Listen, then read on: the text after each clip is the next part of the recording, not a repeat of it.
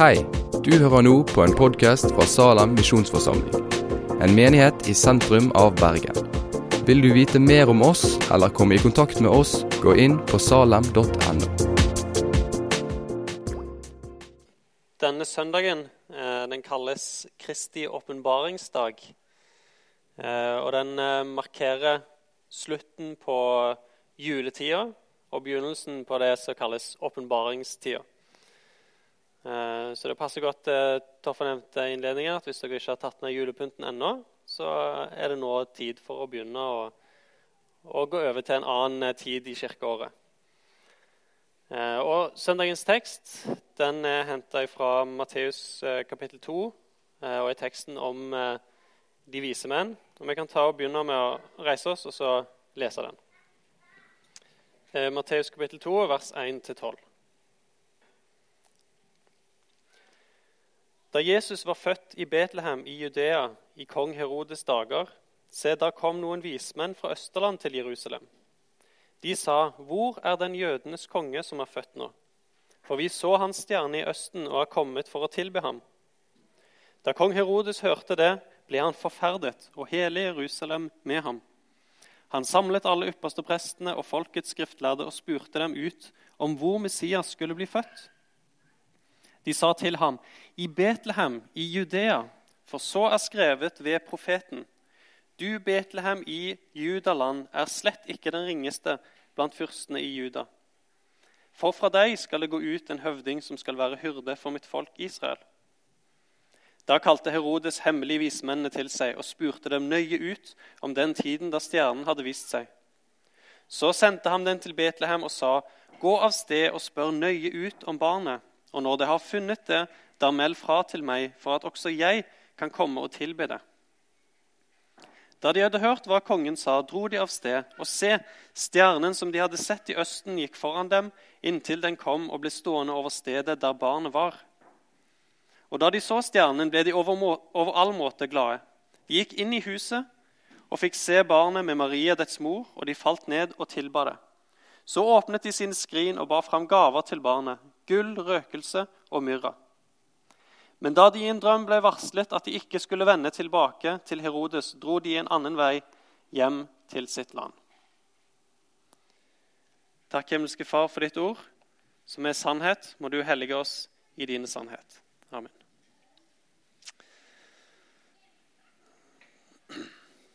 Ja, I løpet av uh, jula uh, så har vi nok sett mange julekrybber, julespill, eh, filmatiseringer.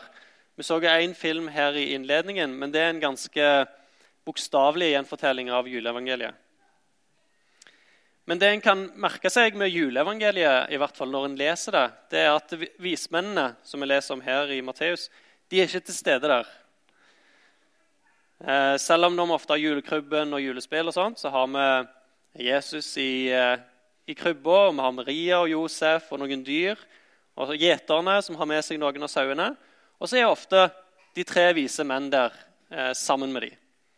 Men i teksten i juleevangeliet så er ikke de til stede. Og der de nevnes, som er her i, i Matteus, eh, så er det en annen tid de kommer. De kommer da Jesus var blitt født. Så kommer vismennene til Jerusalem. Og så går de videre til Betlehem i tillegg.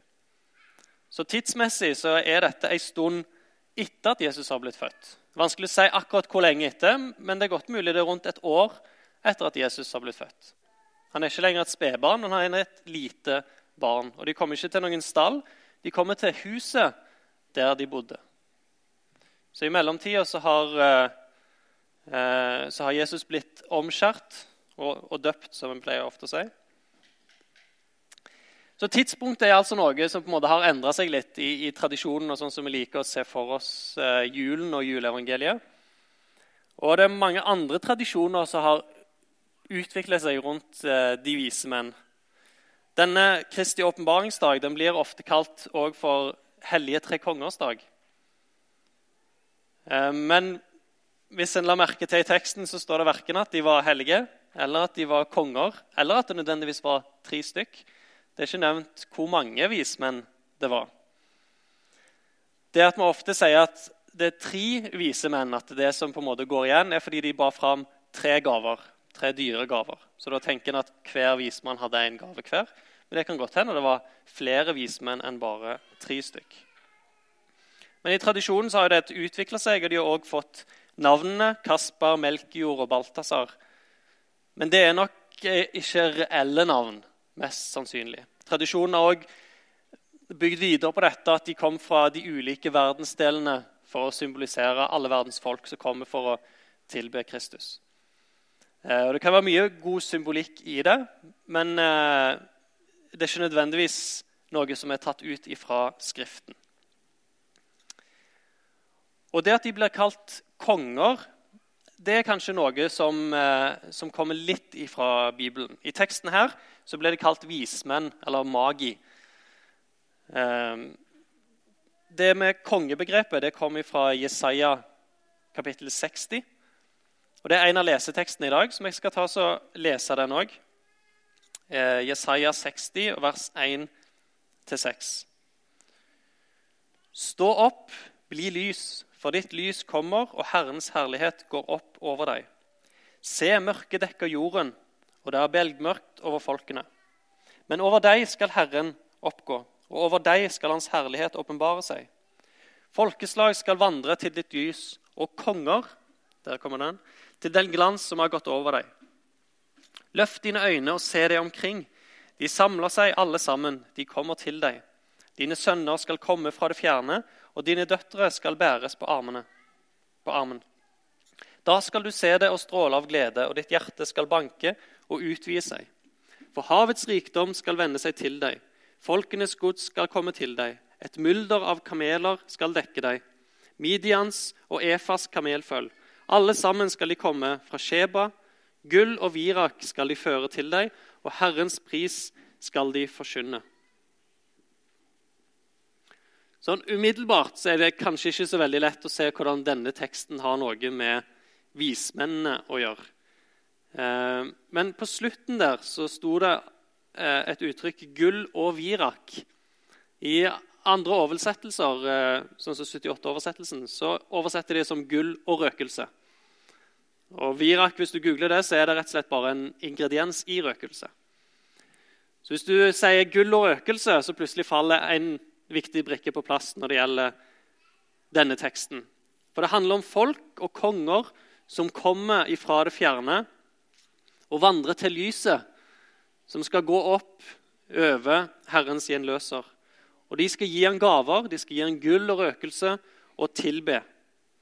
Og Da er det litt lettere å forstå hvorfor denne teksten er lesetekst i dag, og ofte også blir sett på som at han er oppfylt av det at de vismennene.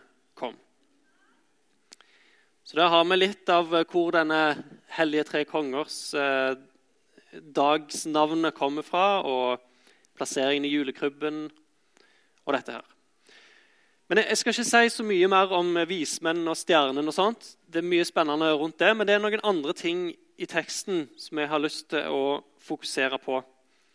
Eh, og Hvis jeg skal gi litt sånn stikkord, eh, så er det første åpenbaring. Og så skal jeg si litt om den nye pakt, og så litt om gavene som de hadde med seg til slutt. Så For å begynne med åpenbaring. Eh, åpenbaring betyr å avdekke og avsløre.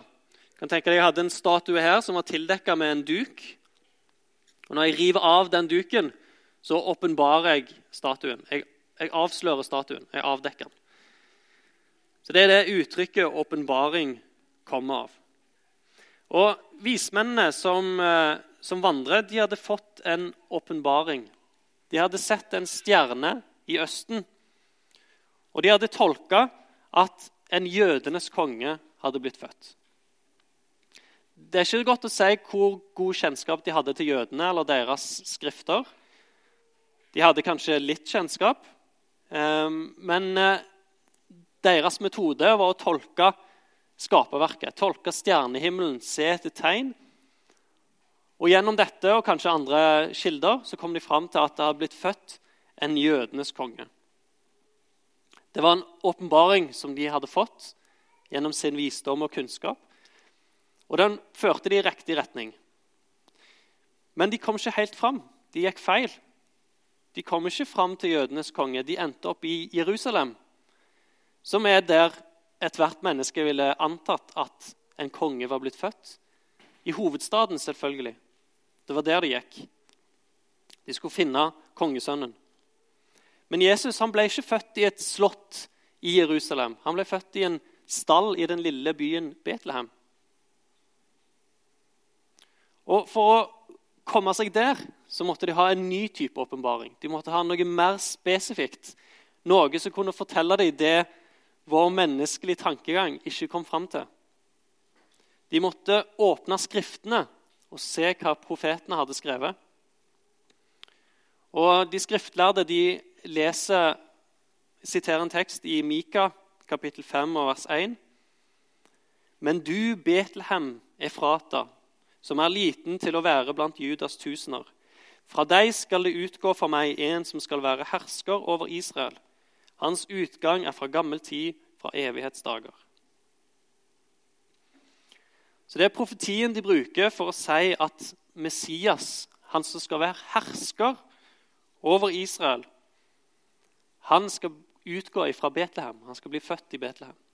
Så De skriftlærde de tolka Skriften rett, og de førte de vismennene på rett vei. Den, den spesifikke åpenbaringen her, det er den de trengte for å finne helt fram. Og I teologien så kaller vi disse to åpenbaringene for den allmenne åpenbaringen og den spesielle åpenbaringen. Den allmenne blir vanligvis regna som skaperverket og historien, det som er tilgjengelig for alle mennesker. Og den spesielle åpenbaring, det er Guds ord og Guds åpenbaring gjennom Jesus Kristus. Og Det fins ganske mange tekster som omhandler disse to åpenbaringene. Kanskje den mest kjente det er i Romerne kapittel 1. Jeg skal ta og lese noen vers eh, derfra. Romerne 1, 18-20. For Guds vrede åpenbares fra himmelen over all ugudelighet og urettferdighet hos mennesker som holder sannheten nede i urettferdighet. For det en kan vite om Gud, ligger åpent for dem, for Gud har åpenbart det for dem. For hans usynlige vesen, både hans evige kraft og hans uguddommelighet, har vært synlig fra verdens skapelse av. Det kjennes av hans gjerninger for at de skal være uten unnskyldning. Så Sammenhengen dette står i, er i Romerne, i kapittel 1 så argumenterer Paulus for at hedningene er uten unnskyldning. I kapittel 2 så argumenterer han at jødene er uten unnskyldning. Og i kapittel 3 at alle mennesker er uten unnskyldning for Gud. Men hans argument for at hedningene er uten unnskyldning for sin tro på Gud, det er at de har den allmenne åpenbaringen. Det ligger åpent for dem, selv om de ikke har Bibelen tilgjengelig. Og Det som er åpenbart for alle mennesker, det som vi kommer fram til gjennom den allmenne åpenbaring, det er ca. det samme innholdet som vi har i den første trosartikkel. Gud, den allmektige, himmelens og jordens skaper. Det Paulus nevner konkret her, det er Guds usynlige vesen, hans evige kraft og hans guddommelighet. Og Han argumenterer at denne åpenbaringen gjør at mennesker er uten unnskyldning når det gjelder tro på Gud. De som ikke tror, er ikke uvitende, men som han skriver, de holder sannheten nede i urettferdighet.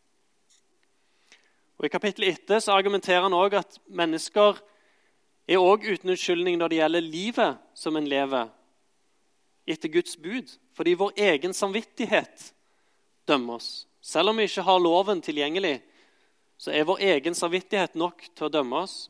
Fordi når vi synder, så vet vi når vi gjør noe galt. Kan samvittigheten endre seg over tid, men det er nok til å holde oss ansvarlige for òg vårt liv og vår tro på Gud. Så den allmenne åpenbaring den, den, holder oss ansvarlig, og det kan også føre oss i riktig retning. Når det gjelder vår søken på troen på en Gud, og når det gjelder vår søken etter tilgivelse fordi vi sjøl kjenner at samvittigheten dømmer oss. Men den kan, ikke, den kan ikke bringe oss fram. Vi vil bare komme fram til Jerusalem. Vi vil ikke finne det som er i den spesielle åpenbaringen. Det som var utenkelig for mennesker å komme fram til. frelsen i Kristus og troen på den treenige Gud, det finner vi ikke annet enn i Skriften. Og Det er det vi kaller den spesielle åpenbaring. Og Det er dette som er grunnen til at vi driver misjon. At vi sender misjonærer til Japan. Fordi det ikke fins frelse i noen annen enn i Kristus. Og Kristus finner vi i Guds ord. Paulus har eh, noen kjente vers litt seinere i eh, Romerbrevet, i kapittel 10. Vi kan ta og lese de òg. For Skriften sier hver den som tror på ham, skal ikke bli til skamme. Her er ikke forskjell på jøde og greker. Alle har de samme Herre, som er rik nok for alle som påkaller ham. For hver den som påkaller Herrens navn, skal bli frelst. Men hvordan kan de påkalle en som de ikke har kommet på? Og hvordan kan de tro på en som de ikke har hørt om? Og hvordan kan de høre uten at det er noen som forkynner? Og hvordan kan de forkynne uten at noen blir utsendt? Som skrevet står, hvor fagre deres føtter er som bringer fred, som bringer et godt budskap. Men ikke alle var lydige mot evangeliet. For Jesaja sier, 'Herre, hvem trodde vel det han hørte av oss?' Så kommer da troen av forkynnelsen som en hører, og forkynnelsen som en hører, kommer ved Kristi ord. Og Dette er grunnen til at vi, vi driver misjon, at vi sender misjonærer ut i hele verden. Men nå er det blitt sånn, og en kan se det på det som en eh, heldig situasjon òg, at Norge i seg sjøl har blitt en stor misjonsmark. Både når det gjelder eh, nordmenn som er vokst opp uten å ha tenkt over tanken at Jesus faktisk var en historisk person. Barn som vokser opp uten å ha åpna Bibelen i det hele tatt i sitt liv. Og så har vi òg en misjonsmark med mange innvandrere som kommer. Mange av de er allerede kristne, men noen har òg aldri hørt evangeliet. Og Derfor må vi ikke være redde for å dele den spesielle åpenbaring, evangeliet i Guds ord. Vi må ikke være redde for å spre det rundt oss. Så Det var litt om åpenbaring, den eh, allmenne og den spesielle. Og så skulle jeg òg si litt om den nye pakt, eller en, eh, en forsmak på det.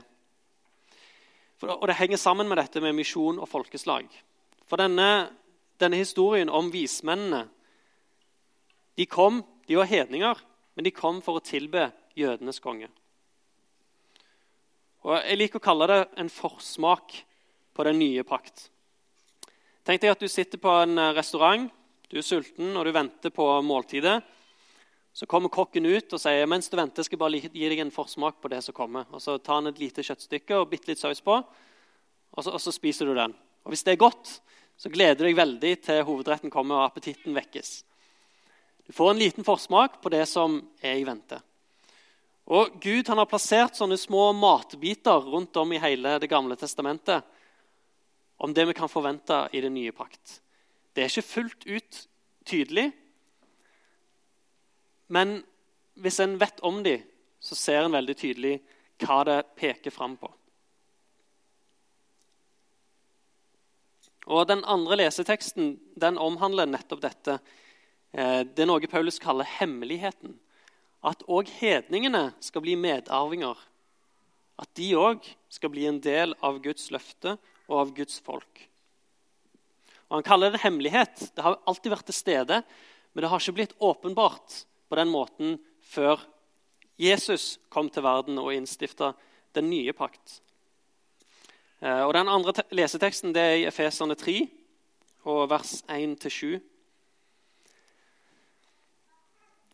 Derfor bøyer jeg mine knær, jeg, Paulus, som er blitt Jesu Kristi fange for deres skyld, dere hedninger så sant dere har hørt om husholdningen med den Guds nåde som er meg gitt for dere.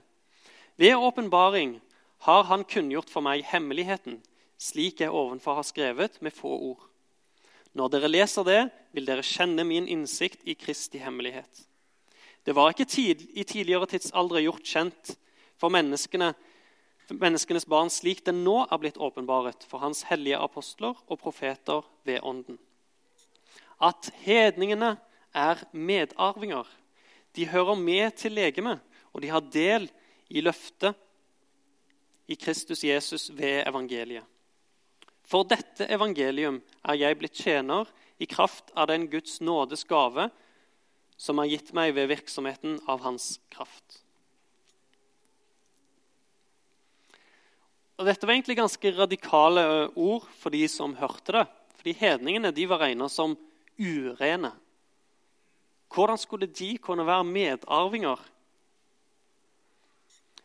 Men når vi ser på det med Guds standard, så er alle mennesker ureine.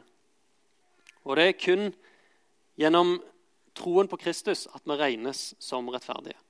Og Dette er en av de største endringene som vi har i den nye pakt. Og Det skal de fleste her være glad for. At vi i dag kan regnes som eh, kristne og en del av Guds folk. Det er ikke lenger forskjell, men vi er alle ett i Kristus. Og Det er òg igjen derfor vi går ut til alle folkeslag, til alle tungemål, til alle slekter, og forkynner dette budskapet.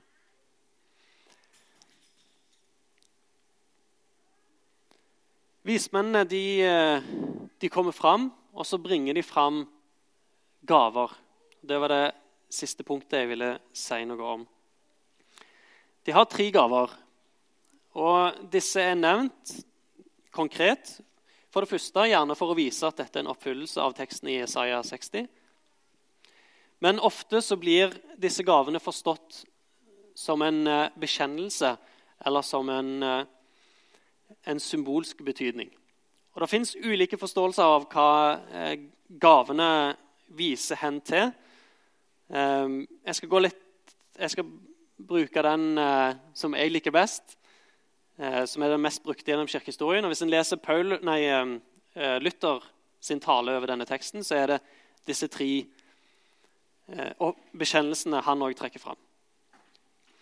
Og Det første er gullet. Og Det er kanskje den mest åpenbare gaven. Gullet er en gave til en konge.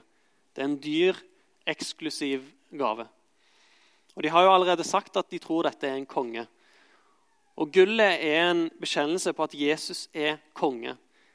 Men han er ikke bare jødenes konge, men han er kongenes konge. Han er herrenes herre. Han regjerer over alt og alle, og en dag skal hvert kne bøye seg og hver tunge bekjenne at Jesus er herre.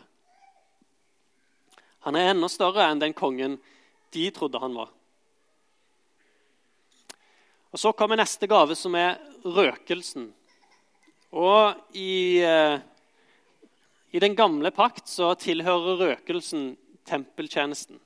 Det tilhører prestetjenesten, presteembetet. Og Det er en bekjennelse på at Jesus ikke bare er en, en konge, men han er òg en prest. Som Melkisedek så har han begge disse embetene i samme person. Og Han er ikke bare en vanlig prest. Han er en ypperste prest, og han er den evige ypperste presten. Det står han går i forbønn for oss til evig tid. For alltid så går han i forbønn for oss som vår evige ypperste prest. Og Til slutt så har vi myrra. Og Det er kanskje den vanskeligste gaven å se veldig tydelig hva den eh, bekjenner. Murra er en balsam som en brukte til å balsamere lik med. Og Når du sier det, så vil folk allerede eh, kanskje se åpenbaringen i det. Og Det er òg en bitter balsam. På arabisk så heter det morra, og morra betyr rett og slett bitter. Så både bitterheten og bruket av myrra henspeiler til Jesu fornedrelse, Jesu lidelse og Jesu død. Ikke bare er han konge, men han er en konge som gir sitt liv for sitt folk. Ikke bare er han ypperste prest, men han er samtidig offeret. Han er samtidig det lyteløse offerlammet som sjøl gir sitt liv for sitt folk. Men han døde ikke bare, han sto opp igjen. Døden kunne ikke holde på han, nettopp fordi han var fullkommen. Og gjennom troen på han så skal vi få del i den samme oppstandelsen. Så Da ber jeg litt eh, til slutt.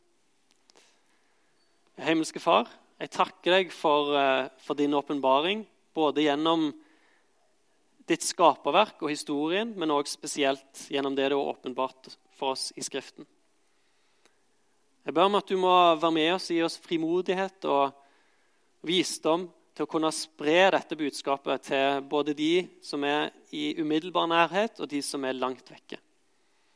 Takker deg, Herre, for at uh, du kaller de som er fjern og nær, til å komme og tilbe kongenes konge og vår ypperste prest, som ga sitt liv for oss. I Jesu navn. Amen.